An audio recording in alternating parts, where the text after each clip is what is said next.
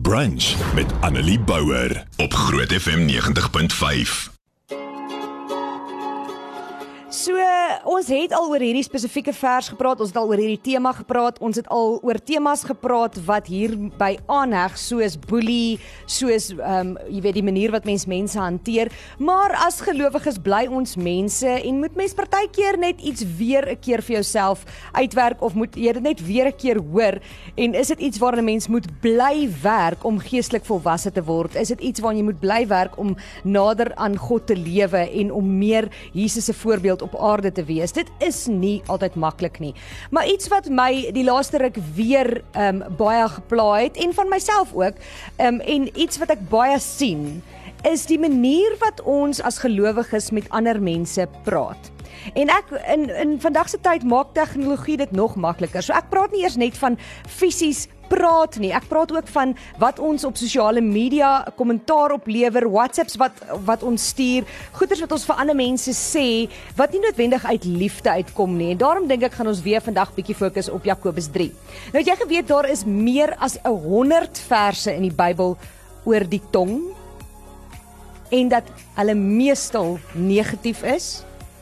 Die meeste van hierdie verse waarsku ons teen die tong teen daai giftige orgaan wat ons almal het, wat so klein is, maar so baie kan vermag. Nou Jakobus 3 vers 5 tot 11 sê die tong is ook maar 'n klein liggaamsdeeltjie en tog het dit groot mag. 'n Klein vuurtjie kan 'n groot bos aan die brand steek. Die tong is ook 'n vuur, 'n wêreld vol ongeregtigheid, die deel van die liggaam wat die hele mens besmet.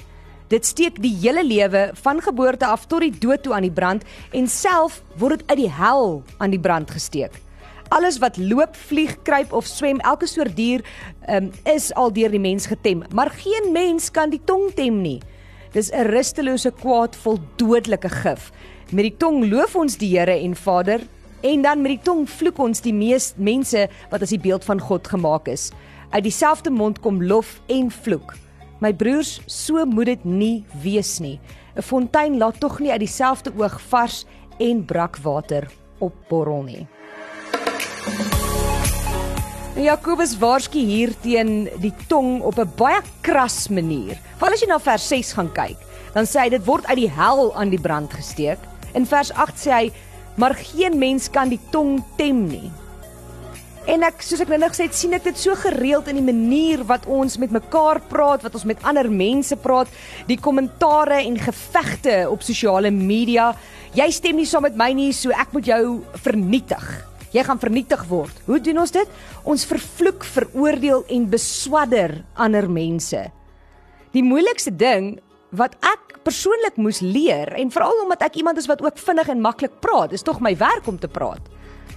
Is dat selfs al is ek reg as ek nie iets in liefde sê nie of as wat ook al ek sê nie iemand nader aan God gaan bring nie moet ek dit nie sê nie. Ek moet myself so gereeld afvra en ek beloof jou ek kry dit nie altyd reg nie want jog die tong is so vinnig. Maar ek moet myself gereeld afvra gaan dit wat ek nou sê iemand nader aan God bring of verder van God af wegstoot?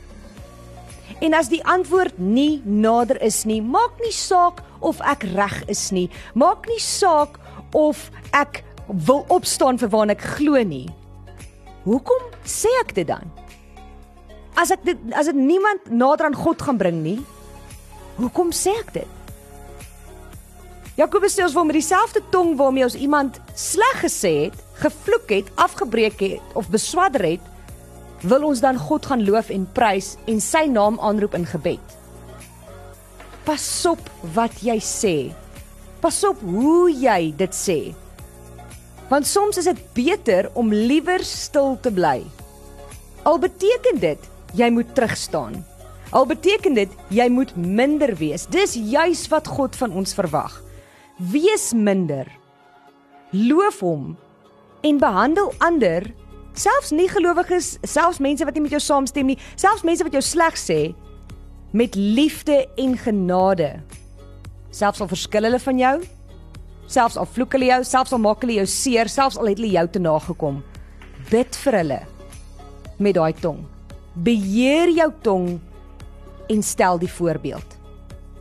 Want een van die belangrikste kenmerke van 'n geestelik en emosioneel volwasse persoon is dat hulle let op wat hulle sê.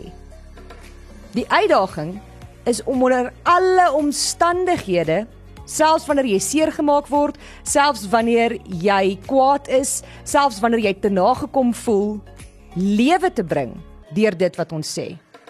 Kom ons let op ons woorde. Kom ons gebruik woorde nie as 'n wapen nie, maar as 'n instrument van lewe, hoop en troos.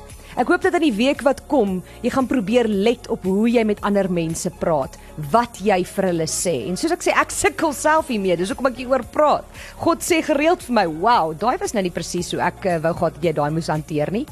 Voor jy 'n boodskap op Facebook of Twitter of Instagram tik as dit nie positief is nie, as dit nie in liefde gesê word nie, moet dit nie tik nie, moenie dit sê nie.